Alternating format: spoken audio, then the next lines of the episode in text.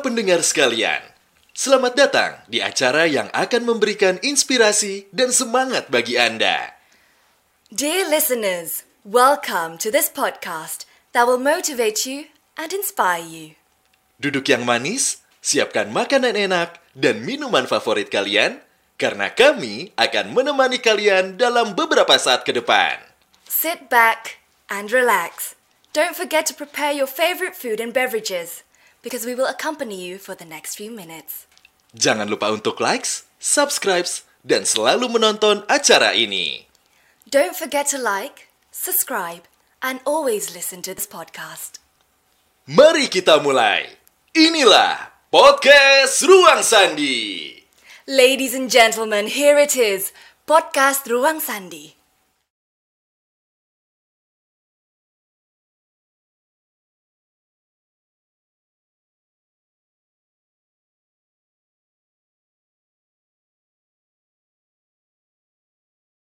Oke, yuk kita mulai. Ya. Oke. Selamat datang di podcast Ruang Sandi. Terima kasih sudah menyempatkan diri. Terima kasih. Dan ini kalau Mas Bimo dan Mbak Putri ini kalau kita lihat di medsos kemarin wow banget gitu. Luar biasa viralnya dan saya tertarik banget. Kalau nggak salah sampai keluar negeri ya viralnya kemarin. Iya betul ya kemarin. Sa- Udah sampai Malaysia sih, Pak. Udah sampai Malaysia Iya. ya. Paling nggak yang bisa ngerti eh, Bahasa bahasa, Indonesia, Indonesia. sih atau yang pernah naik eh, Garuda, Garuda. atau pesawat-pesawat kita eh, udah pernah ini. Nah, kalau kita lihat kira-kira saya bisa nggak ya punya suara kayak kalian gitu. Kalau dipikir sebenarnya bisa pak, semua orang bisa eh, menjadi seorang voice over talent seperti itu karena modal utamanya bukan suara yang merdu sebenarnya. Ini kita berdua akhirnya sering brainstorm bareng gitu ya Put ya, Iya. sering eh, akhirnya memikir bareng gitu. Modal seorang voice over talent sebenarnya bagaimana kita bisa cepat dan tepat menangkap brief dan mengaplikasikan teknik-teknik voice overnya sih Pak sebenarnya. Ya saya percaya waktu mungkin sekitar 3-4 tahun yang lalu ya, waktu saya mulai banyak di ranah publik, ternyata kekuatan speech atau kekuatan pidato itu bisa transendental terhadap dampak kepada masyarakat. Eh, jauh lebih kuat daripada visual. Karena kalau yang kita dengar itu kayaknya bisa terngiang-ngiang terus. Oke. dan dari sekian banyak kegiatan yang hashtag di rumah aja ini yang dilakukan banyak orang seputar pandemi. Ini kan banyak kreativitas-kreativitas. Tapi yang Mas Bimo sama Mbak Putri pilih ini justru lain daripada yang lain gimana cerita awalnya nih tentang voice over flight attendant? Eh, kebetulan juga kita udah lama nggak travel kangen juga dengar suara-suara seperti itu pengumuman.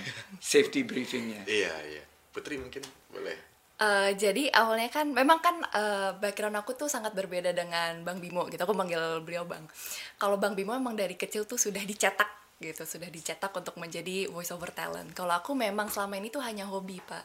Gitu. Jadi kebetulan pas waktu S1 belajarnya tuh eh, apa aku ngambil jurusan broadcast journalism. Jadi sering tuh bikin misalnya eh, ujian akhirnya bikin paket berita, terus harus ngisi voice over. Aku baru discover di situ, oh kayaknya I think I have a shot at doing this gitu for I mean professionally gitu tapi emang selama itu hanya hobi saja sampai akhirnya di Instagram story itu aku sering upload kayak ya gitu uh, imitating you know safety videos gitu pas waktu itu kebetulan Bang Bimo ngeliat gitu sebenarnya sebelumnya adik kelas ya Eh, sebelumnya nggak kenal. Nggak kenal. Kita kita nggak kenal sama sekali. Gitu. nggak kenal sama sekali Nggak ya kenal karena waktu itu memang di by sheer coincidence saja dari Yes, yang- coincidence. Iya, iya, iya, benar-benar coincidence karena Putri waktu itu nge-follow Instagram saya karena di Instagram kan saya selalu bikin konten-konten tentang voice over dan Putri interest banget gitu dan kita juga belum DM DM-an waktu itu ya. pernah sekali aku sekali Oh ya kamu nge DM ya kayak Ah, wah keren pernah banget sekali. kak untuk uh, belajar aku aku belajar juga. Udah habis itu lose kontak lama sampai pada akhirnya ada kejadian yang Putri bikin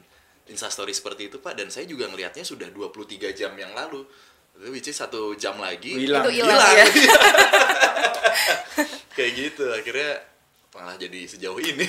iya terus akhirnya ya udah put yuk kita voice over jamming aja gitu kan kalau musisi-musisi kan pada jamming di rumah masing-masing kita voice over aja gitu ngebayang nggak bakal viral banget no Aku sih enggak sama sekali. Karena sekali. kalau fro- from my side, maksudnya video aku tuh low res banget dan it's just the fun content gitu. Jadi memang kalau dari sisi aku tuh cuma hiburan aja gitu. Iya, Tapi kita berdua sih nggak nyangka bakal sebesar ini sih. Kalau Bu Putri mungkin uh, dia perfect banget kan ya Pak. dia nggak expect bakal viralnya sejauh ini gitu. Cuman saya bilang ini ada kemungkinan untuk viral karena belum ada nih yang seperti ini. Pertama voice over jamming belum ada, yang kedua pasti orang-orang kangen suara-suara seperti ini momennya. Tapi paling di kalangan kita-kita aja viralnya. Ternyata beyond expectation. Jauh banget. Aku juga dapat sih. Aku dapat terus Oh, gitu, Pak? terus terang menghibur. Karena di sebelum Covid-19 ini saya mungkin seminggu itu bisa 3 sampai 4 kali travel. Jadi nostalgia terngiang-ngiang Iya. selama tiga bulan terakhir ini belum travel. Jadi sesuatu yang awalnya hanya ingin menghibur, lucu-lucuan aja jadi satu konten yang sangat eh, menarik ya. So congratulations. Dan apa nih efek yang dirasakan setelah deng gitu loh seluruh jagat netizen, jagat maya melihat pasti udah banyak tawaran dong untuk create konten atau jadi iklan gitu. Kalau untuk kita berdua sih sudah ada beberapa akhirnya yang kita create dengan konsep yang seperti itu ngejamming kayak gitu pak. Ada beberapa asuransi ada lalu travel salah satu travel bahkan makanan cepat saji juga bikin. Nah ini kita juga masih running beberapa ya Put ya? Iya. untuk bikin gitu kalau Putri mah udah jelas followersnya tadi Gimana? Followersnya. Putri Putri kan gak aktif main Instagram lah ya Eh, bukan gak aktif tapi kalau Bang Bimo kan karena memang sudah lama di bidang voiceover gitu kan jadi memang uh, followersnya sudah banyak gitu Nggak banyak juga sih. eh 8.000 ribu lumayan 8.000 lumayan. iya 8.000. banding aku aku cuma seribu aja tapi Terus- sekarang Putri nyalip saya Tapi emang epic banget sih. Nah ngomongin soal profesi, biasanya kan waktu kecil kita pengen jadi pilot betul atau jadi guru iya iya atau kalau saya dulu pengen jadi pilot bener terus akhirnya Oke. pengen jadi seorang profesional di dunia perbankan. Nah kalau Bang Bimo sendiri ini sejak kapan eh, yakin nih akan menekuni profesi sebagai voice over talent? Pertama kali dicemplungin sama ayah saya sih sebenarnya. Jadi ayah memang, jadi ini Iya. ini merupakan profesi ayah juga Betul, ya? ayah profesi. ibu juga ya. Ah, ibu kebetulan kerja di audio post pertama di Jakarta mungkin ya namanya uh, Swadaya Prativi waktu itu. Oke. Ah, ah, dan ayah jadi seorang daber waktu itu. Daber untuk sandiwara radio, sanggar cerita dan lain-lain dari era tahun 80-an. Nah buat para pendengar podcast Ruang Sandi kalau tahu sandiwara radio means that you're very old. enggak Itu, gitu eh, senior aja senior. senior, Senior. ya, not very old Kamu terlalu nice Putri. Sebetulnya sih ya you're part of the Colonia gang. Tapi sandiwara radio itu dulu kan kayak apa namanya judul-judul tutur tinular, saur sepuh Iya, gitu. betul, ya. betul. ah. Ya jadi memang di dunia itu ya. Iya betul. Tahun 93 tuh saya sudah dibawa ayah saya untuk ngelihat proses bagaimana beliau-beliau dan senior-senior saya eh, berlatih teater tapi hanya suara yang dikeluarkan dan di situ kan banyak banget tekniknya. Di tahun 2000 baru saya akhirnya punya apa namanya sebuah keyakinan kalau udah saya di dunia voice over aja kayak gitu. di dunia saya sekarang di dunia ranah publik itu kan satu narasi itu sangat kuat ya jadi Betul. seperti Presiden Jokowi sendiri punya satu distinctive fitur terhadap suaranya Pak Prabowo Ya. juga sangat begitu dia ngomong nggak usah lihat orangnya kita Udah udah tahu. tahu. Udah tahu ya. Pak Anies juga Iya. begitu dan memang karena saya dulu di dunia usaha bisnis nggak menekuni uh, Iya. kita lebih banyak di belakang layar tapi saya percaya memang waktu kita mulai podcast ini kekuatan narasi dan suara yang distintif itu yang apa memenggal-menggal kata gitu jadi sangat sangat kuat ya kalau Putri sendiri cita-citanya apa Sebenarnya pas waktu SMA, jadi awal kenapa aku ambil komunikasi gitu adalah karena um, I actually want to be a news anchor for BBC gitu. Jadi, you have the accent though thank you pak. coba Jadi, coba coba try try BBC anchor talent Apa ya? Um, Hello, my name is Putri Saud, and today I will take you on a virtual tour through Buckingham Palace. Gitu. Keren Jadi banget. emang- Itu kalau aku merem, udah lihat eh, konten Netflix nggak yang The Crown? Udah. Iya, ada Nah itu aksennya mirip-mirip kayak gitu. Iya, jadi sebenarnya kalau em, dari aku sih nggak pernah kebayang bakal kecemplung di dunia ini jadi memang it's something new for me and my family katanya setelah em, sesuatu yang sangat jeder kemarin itu sudah banyak banget tawaran-tawaran kayak iklan dan tadi udah berapa perusahaan juga alhamdulillah ya Alhamdulillah. alhamdulillah alhamdulillah banget dari suatu kebetulan tapi nggak ada sih saya percaya nggak ada yang kebetulan Wah, itu benar, jalannya benar, dari Pak. atas Betul, Pak, betul. itu Saya juga- jalan dari yang atas dan ini saya sebetulnya malas nanya tapi ditanya-tanyain terus di sini nih oleh prompter Apa tuh, Pak? Saya nggak enak. satu iklan itu berapa dapatnya Kita ngitungnya per detik sih, Pak. Per detik, Eh, per, per, sorry, per cut down. berkat down Jadi 60 detik, 30 detik, 15 detik, 5 detik. Seperti itu. Dan per versi, and then per media. Oh. Aduh, ribet ya. tapi itu memang standarnya industri kayak gitu ya Berlaku di Indonesia sekarang seperti ini. Ya, seperti itu sih, Pak. Kayak gitu. Standarnya seperti itu. jadi dijaga banget dong voice ya kalau begitu ya Iya, dijaga banget. dijaga Aset. aset utama di asuransi nggak Bula- ba- banyak yang nawarin nih. Setelah kemarin akhirnya Setelah kemarin banyak yang tapi ngerawat voice itu gimana caranya Hmm. selain daripada minum jamu ini kayaknya bagian nanti aja.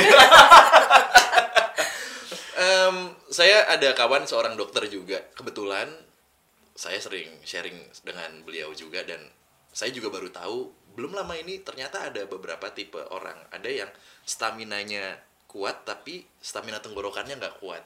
Nah, kebalikan dengan saya nih Pak. Saya stamina tenggorokannya tuh kuat tapi sebenarnya stamina stamina badan saya tuh nggak begitu kuat-kuat banget. Sebenarnya jangan capek jangan capek aja udah gitu tapi kalau kita ngomongin eh, maaf kalau minuman soda lalu mungkin smoking atau yang lain gitu kan secara klinis juga pasti akan mempengaruhi kan pak tapi kalau saya boleh bilang paling dasar udah jangan capek gitu karena capek udah either serak atau nanti powernya nggak ada kayak gitu.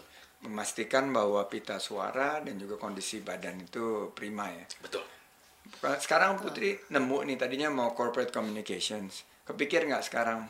Hmm maybe I should change my profession um, gimana? I think it's too soon for me to decide sih pak, karena kan maksudnya sebelum uh, kan aku kan sekarang kan lagi fokus kuliah aja. Sebelum ini tuh aku memang sempat bekerja full time as a PR practitioner gitu. Jadi memang sudah sempat terjun juga.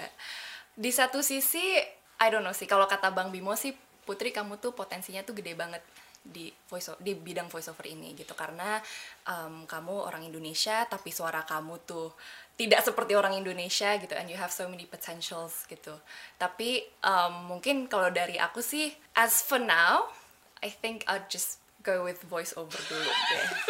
Karena aku juga baru terjun jadi maksudnya aku juga learning prosesnya ini masih panjang banget gitu sih. Sekarang kan udah terkenal banget ya kayaknya mubazir gitu kalau nggak dipakai. Itu dia pak saya juga udah sering meracuni dia gitu. Sudahlah. Tinggalin aja PR udah. Biar udah PR akan akan terus ada PR tapi Benar. opportunity sama ombak itu kan kadang-kadang jarak Itu dia. datang datang Iya. jar- datangnya jarang-jarang. Dan kalau begitu ada satu peluang di Iya. depan kita dan suaranya sekarang udah dengar oleh puluhan mungkin ratusan juta masyarakat yang melalui WhatsApp tuh belum kehitung. Saya terimanya dari Betul, ya. WhatsApp kan biasanya ada yang terima dari. Instagram. Saya terimanya dari WhatsApp. betul pak di grup WhatsApp juga jebar gitu. itu Iya, luar ada biasa. aja. Dan di saya ada di mungkin beberapa grup adanya itu semua. wow Nah, tapi kan Bang Bimo udah duluan di situ. Iya, iya. Mbak Putri sendiri ngelihat ini satu profesi yang menjanjikan.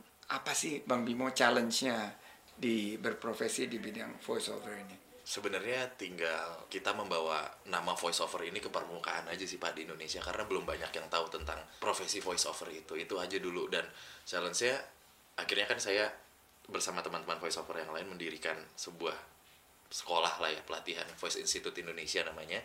Di situ kita secara komprehensif ngasih tahu bukan cuman ngomong doang loh ini. Ini sebuah seni dan ilmu berbicara gimana skrip atau produk orang tuh bisa dibeli gara-gara suara kita. Tekniknya banyak banget gitu. Kayak awareness dulu aja ke orang-orang kalau no no no ini nggak nggak nggak cuman ngomong gitu. Tapi alhamdulillah puji Tuhan gara-gara kemarin orang-orang jadi banyak banget oh ini ini yang namanya voice over ya banyak DM yang masuk akhirnya seperti itu sih pak oh ngisi suara tuh namanya voice over ya voice over voice over gitu jadi ya alhamdulillah Saya udah sekitar sih. tiga bulanan lah, mungkin lebih, hampir 4-5 bulan meng-create konten. Karena ada yang pernah bilang sama saya, saya selalu percaya suara saya tuh sengau, tapi bilang enggak, your strength itu is your voice. Yes.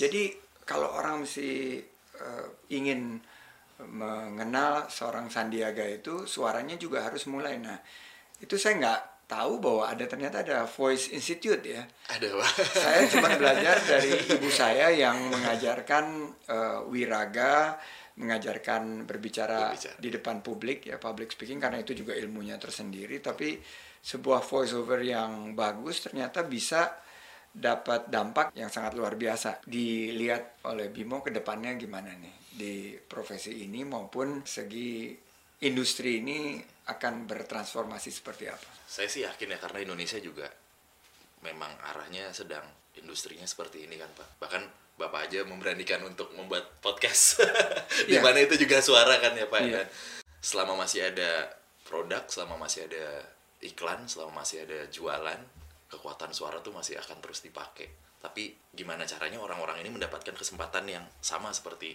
saya dan teman-teman lain yang mungkin jalurnya hanya lewat ayahnya kakaknya gitu jadi saya pengennya sih ayo nih jadi sebuah industri baru nih buat Indonesia ke depannya gitu voice over dan voice talent ini kayak gitu sih, Satu Pak. lagi ya, eh, lapangan kerja Lapangan baru. pekerjaan baru. Lapangan kerja baru di tengah-tengah kesulitan kita mendapatkan lapangan kerja setelah Betul. COVID-19.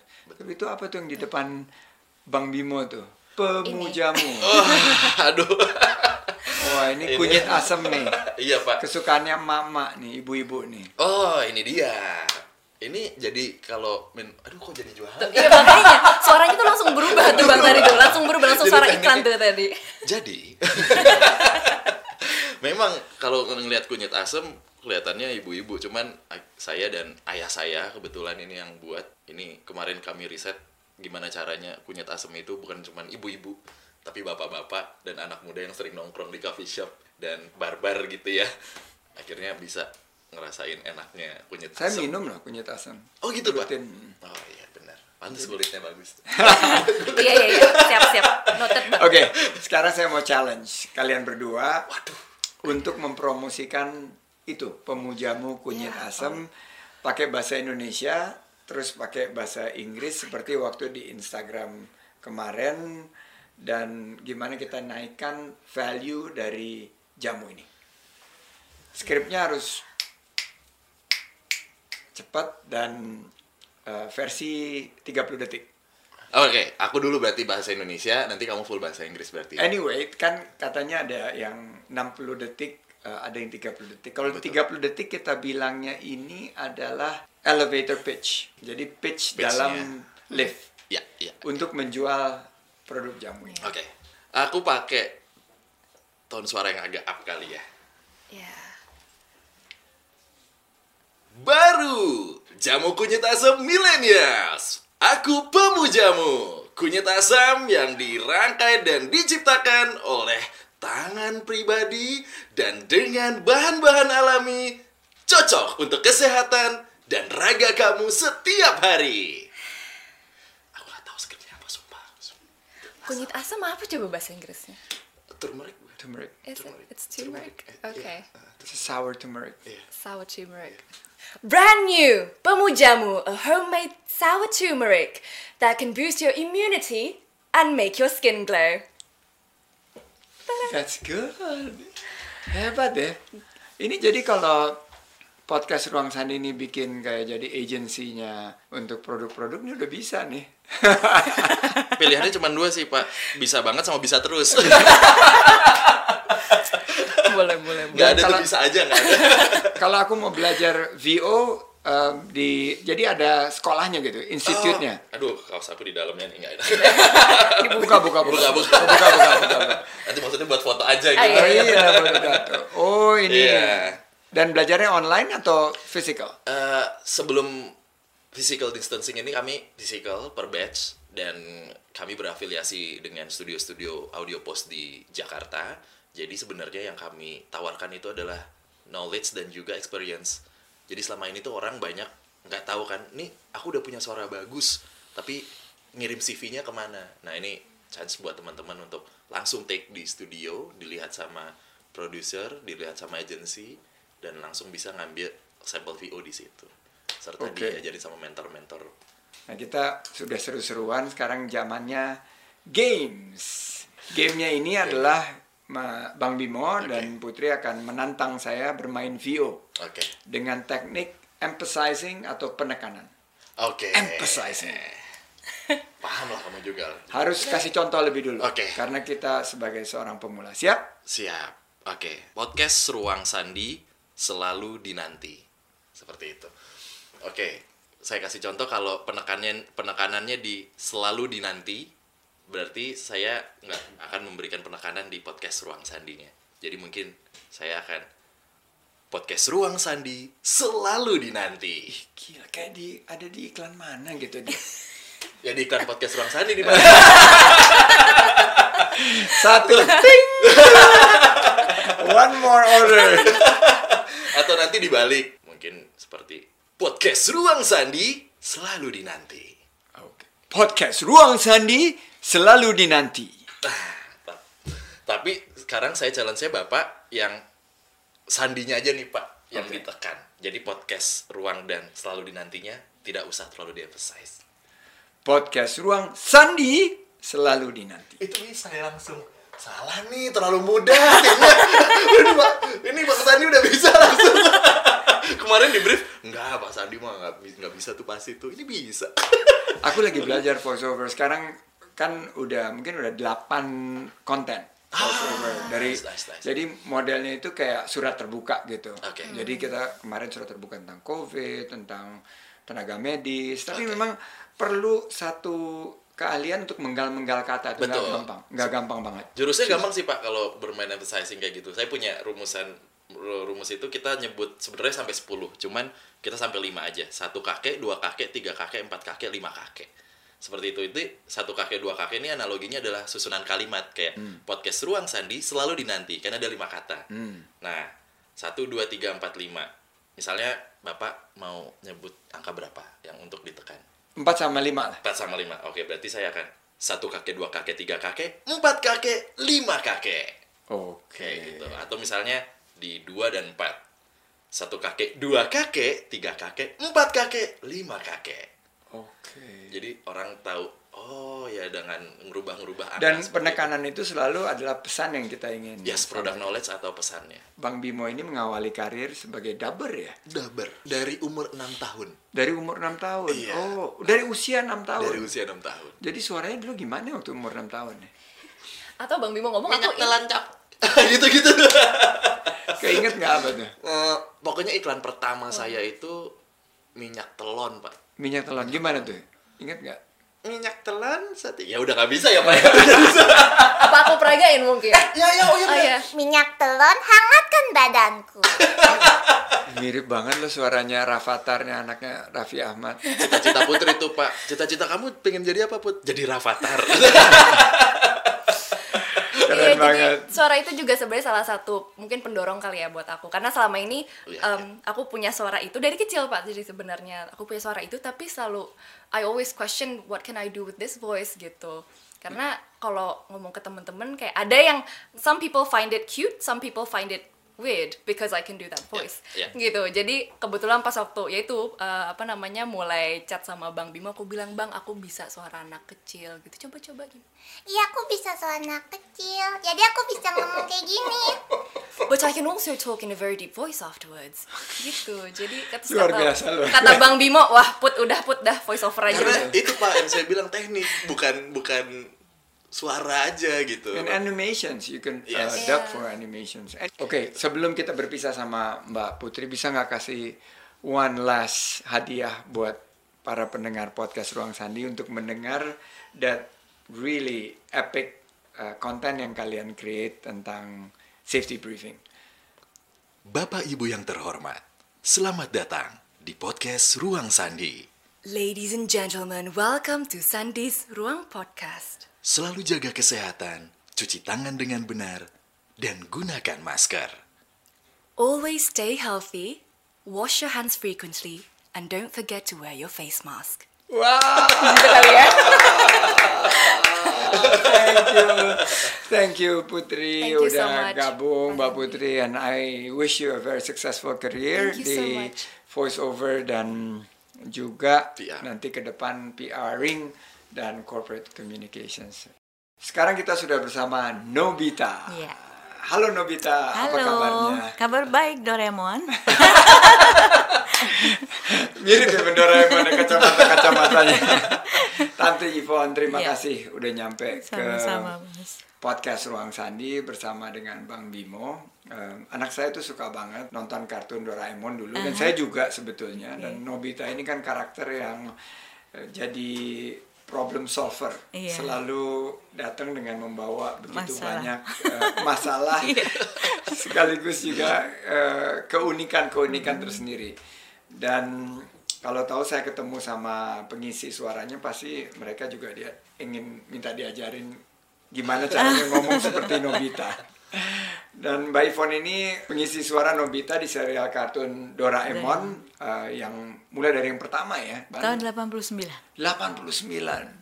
Waktu itu saya masih SMA sampai Nah. tahun 2000-an ya. Berapa tahun tuh ya total ya? Eh, sampai tahun 2000 Jadi 11 tahun ya waktu itu ya. se- nah, 2010 ya. Lebih, Terus ya, 2010 Oh, ya. 20 tahun lebih Terus ya? kita di eh, eh, di Baru diganti ya, ganti. Dan ini kan menemani kita setiap minggu pagi, Pagi, salah ya. Minggu pagi dan awalnya gimana bisa ikut project? Kebetulan kita tuh eh, di eh, suka isi apa namanya? Suka isi sandiwara radio di TV di RRI. Nah, di sana mulainya Temannya papanya Bang Bimo dong. Iya? Iya, betul. di Sanggar Prativi temennya. Oh, oke oke. Betul. Nah, ada Jadi dari audisi. komunitas itu terus ada audisi. Iya, ada audisi. Terus eh, dicobalah satu-satu gitu kan. Nah, kebetulan eh, aku yang paling muda waktu itu. Waktu itu. Nah, waktu itu aku paling muda. Sekarang juga kok. Oh, amin. Jadi eh, aku disuruh isi eh, Nobita gitu. Tadinya mere- eh, mereka maunya Nobita, Shizuka, ganti-gantian gitu ya. Tapi begitu aku isi Nobita, si Jepangnya oke gitu. Oke. Tapi masih eh, beberapa orang masih belum oke gitu ya. Jadi aku udah selesai dan aku diterima dan itu kontrak dari Jepang langsung. Tapi lucu ya, ini kan suara cewek tapi memerankan cowok. Cowok. gitu. Gimana itu awal mulanya tuh? Kan ini cowok yang masih SD ya. Hmm, Jadi dia belum pecah suara. oke. Heeh, jadi aku isinya eh, dipakai nada tinggi gitu. Jadi tapi kalau untuk karakter Jepang di film kartun ini pertama kali. Untuk ya? Doraemon ya tahun 89. Coba di contohin. Selain daripada Doraemon juga yang tadi tuh yang eh, sandiwara radio tuh supaya pendengar podcast Ruang Sandi kan Oh, ini kan iya, sangat nggak pernah nggak pernah dengar tuh sandiwara radio tuh kayak gimana sih dulu? Eh, kebetulan aku yang jadi Lasmini di Sandiwara Radio Saur Sepuh. Oh Saur Sepuh ya, ini eh, tokoh protagonis perempuan ya. Benar, benar. Wah, Bapak hafal juga. Masa? Jangan tanya umur saya berapa. I'm 21 years old. Oh, Oke. Kakang Brahma, jangan tinggalkan aku, Kakang. Kakang, jangan pergi, Kakang. Aku sangat mencintaimu, Kakang. Wow. itu ya dulu ya, spesial banget loh. Kita di depan didengerin di radio itu bisa imajinasinya. Iya. iya. Tapi memang the power of voice itu ya Iya. luar biasa. Nah, kalau Bimo sendiri kan dari enam tahun ya, jadi voice over talent. Ada karena ayah juga ngerjain itu ada kayak kerasa kepaksa nggak sih ngikutin profesi dan karir dari ayah anda? Rasa kepaksa sebenarnya ketika saya sudah mulai sekolah dan ketemu lingkungan yang wah cita-cita gue mau jadi dokter nih gitu kan biasanya ya dari SD SMP gitu ya cita-cita gue mau jadi pilot cita-cita gue mau jadi apa Bimo cita-citanya apa enggak aku udah kerja. Dari umur enam tahun udah kerja. nggak tahu aku mau apa. Terus akhirnya tanya ke bapak kan bapak nih gimana sih kok pada nanyain cita-citanya apa? Aku mau jadi apa nanti gede. Gitu. Ya udah kamu pengen jadi apa? Akhirnya sebenarnya pak dulu tuh saya pengen banget jadi masinis pak. Oh. iya tante benar. Karena seneng kereta mungkin seneng ya. kereta pada waktu itu. Ya udahlah dunia suara aja Nerusin ya. terusin Nah ini kan dengan seiring dengan perkembangan teknologi saya mau tanya sama Mbak Ivon. Emang benar dengan teknologi semakin berkembang, profesi dubber mulai ditinggalkan karena orang lebih tertarik menjadi voice over talent. Kalau yang aku lihat sih enggak juga ya, Enggak. karena eh, lahan untuk dubbing ini banyak tetap banyak gitu. Karena film-film yang harus didubbing itu tetap ada terus gitu ya. Jadi enggak juga sih, tetap banyak. Ya, kalau Bimo merasa bahwa sekarang kan jadi voice over talent, bukan dubber lagi. Ini transisi yang terasanya lebih permanen atau akan ada crossover appeal? mungkin akan ada crossover appeal kayak gitu ya pak ya cuman saya sih nggak menganggap itu sebuah tantangan atau kesulitan lagi karena voice over talent yang berangkat dari seorang dubber itu udah punya basic yang sangat kuat banget untuk membacakan skrip dengan baik dan benar. Karena tadi aja kita dengar Tante Ivon sebegitu emosinya keluar karakternya keluar gitu kan. Jadi memang kalau kita awal-awalnya Tante ya diajarin jadi seorang dubber tuh memang seni kita benar-benar bagaimana emosi orang tuh seperti apa karakter sebagai dokter tuh kayak gimana kayak gitu gitu Dan jadi memang dari segi kompleksitasnya cukup sulit ya karena cukup sulit memang. kan kalau kita tampil misalnya drama teatrikal itu ada visualnya. Iya. betul Tapi kalau ini kan hanya Suara. suaranya suara saja. iya betul Jadi kita Luar harus berimajinasi sendiri. Ya pasti para pendengar podcast Ruang Sandi ini udah pengen denger nih Tante Ivon, suara Nobita Kita seru-seruan juga. Tapi sebelum eh, seru-seruan gini, menurut saya harus ada pemahaman daripada pendengar podcast Ruang Sandi bahwa ternyata lapangan kerja itu evolve. Ya. Walaupun teknologi berubah, tapi profesi dubber dan voice over itu ternyata bisa crossover juga. Bisa saling melengkapi Betul. gitu. Iya. Jadi nggak akan ada yang ketakutan bilang, oh dengan adanya teknologi kita kehilangan pekerjaan. Ya. Buktinya sosok eh, Tante Ivon ini masih tetap bisa menjadi sangat relevan gitu. Ya, nah, betul. sekarang kita seru-seruan games. Kita main game dengan dubbing cuplikan tayangan Doraemon yang jadi narator Bang Bimo. oke boleh Eh, saya jadi Doraemon dan Tante Ivon jadi Nobita. Nobita. Di suatu siang, Nobita dikejar Giant. Seperti biasa, Nobita lalu meminta pertolongan kepada Doraemon. Doraemon, Doraemon, tolong Doraemon, ada giant di depan. Ah, apa Ah? Doraemon, tolong Doraemon. Aduh, kenapa makan terus sih? Ini aku lagi makan. Ayo Doraemon, keluarkan sesuatu itu ada giant. Ah, Tunggu aku dulu ini Aduh, pancake. Doraemon, tolong. Aduh, bisa itu ada giant. Doraemon, tolong Doraemon. Cepat keluarkan sesuatu, Doraemon, cepat. Ah, Aduh, aku nih lagi minum ocha ini. Ya udah nih, aku kasih nih. Ayo, ayo, ayo. Ini satu alat yang namanya aku kata. Aku kata. Aku kata, untuk apa itu? Ini bisa dipakai. Ah, Eh, kalau tapi gitu jangan aku pinjam. direbut. Jangan direbut eh, dong. aku Eh, ini pinjam bahaya. sebentar. Eh, jangan bahaya. Bahaya, eh, jangan dong aku kata. Ini lucu banget, sumpah. Ini lucu banget, ini lucu banget, sumpah. Ih, Mas Andi sekali Wah, ternyata seru banget ya. Jadi dubber nih saya jangan-jangan punya talenta jadi dubber nih. lucu banget. Lagi Susah ya. loh, susah loh ngepasin scene kayak gitu. Susah banget. Sumpah, Terakhir nih, terakhir. Itu seru banget nih. Buat uh, Mbak Ivon dan Bimo, apakah masa depan akan cerah kalau jadi voice over talent atau dubber?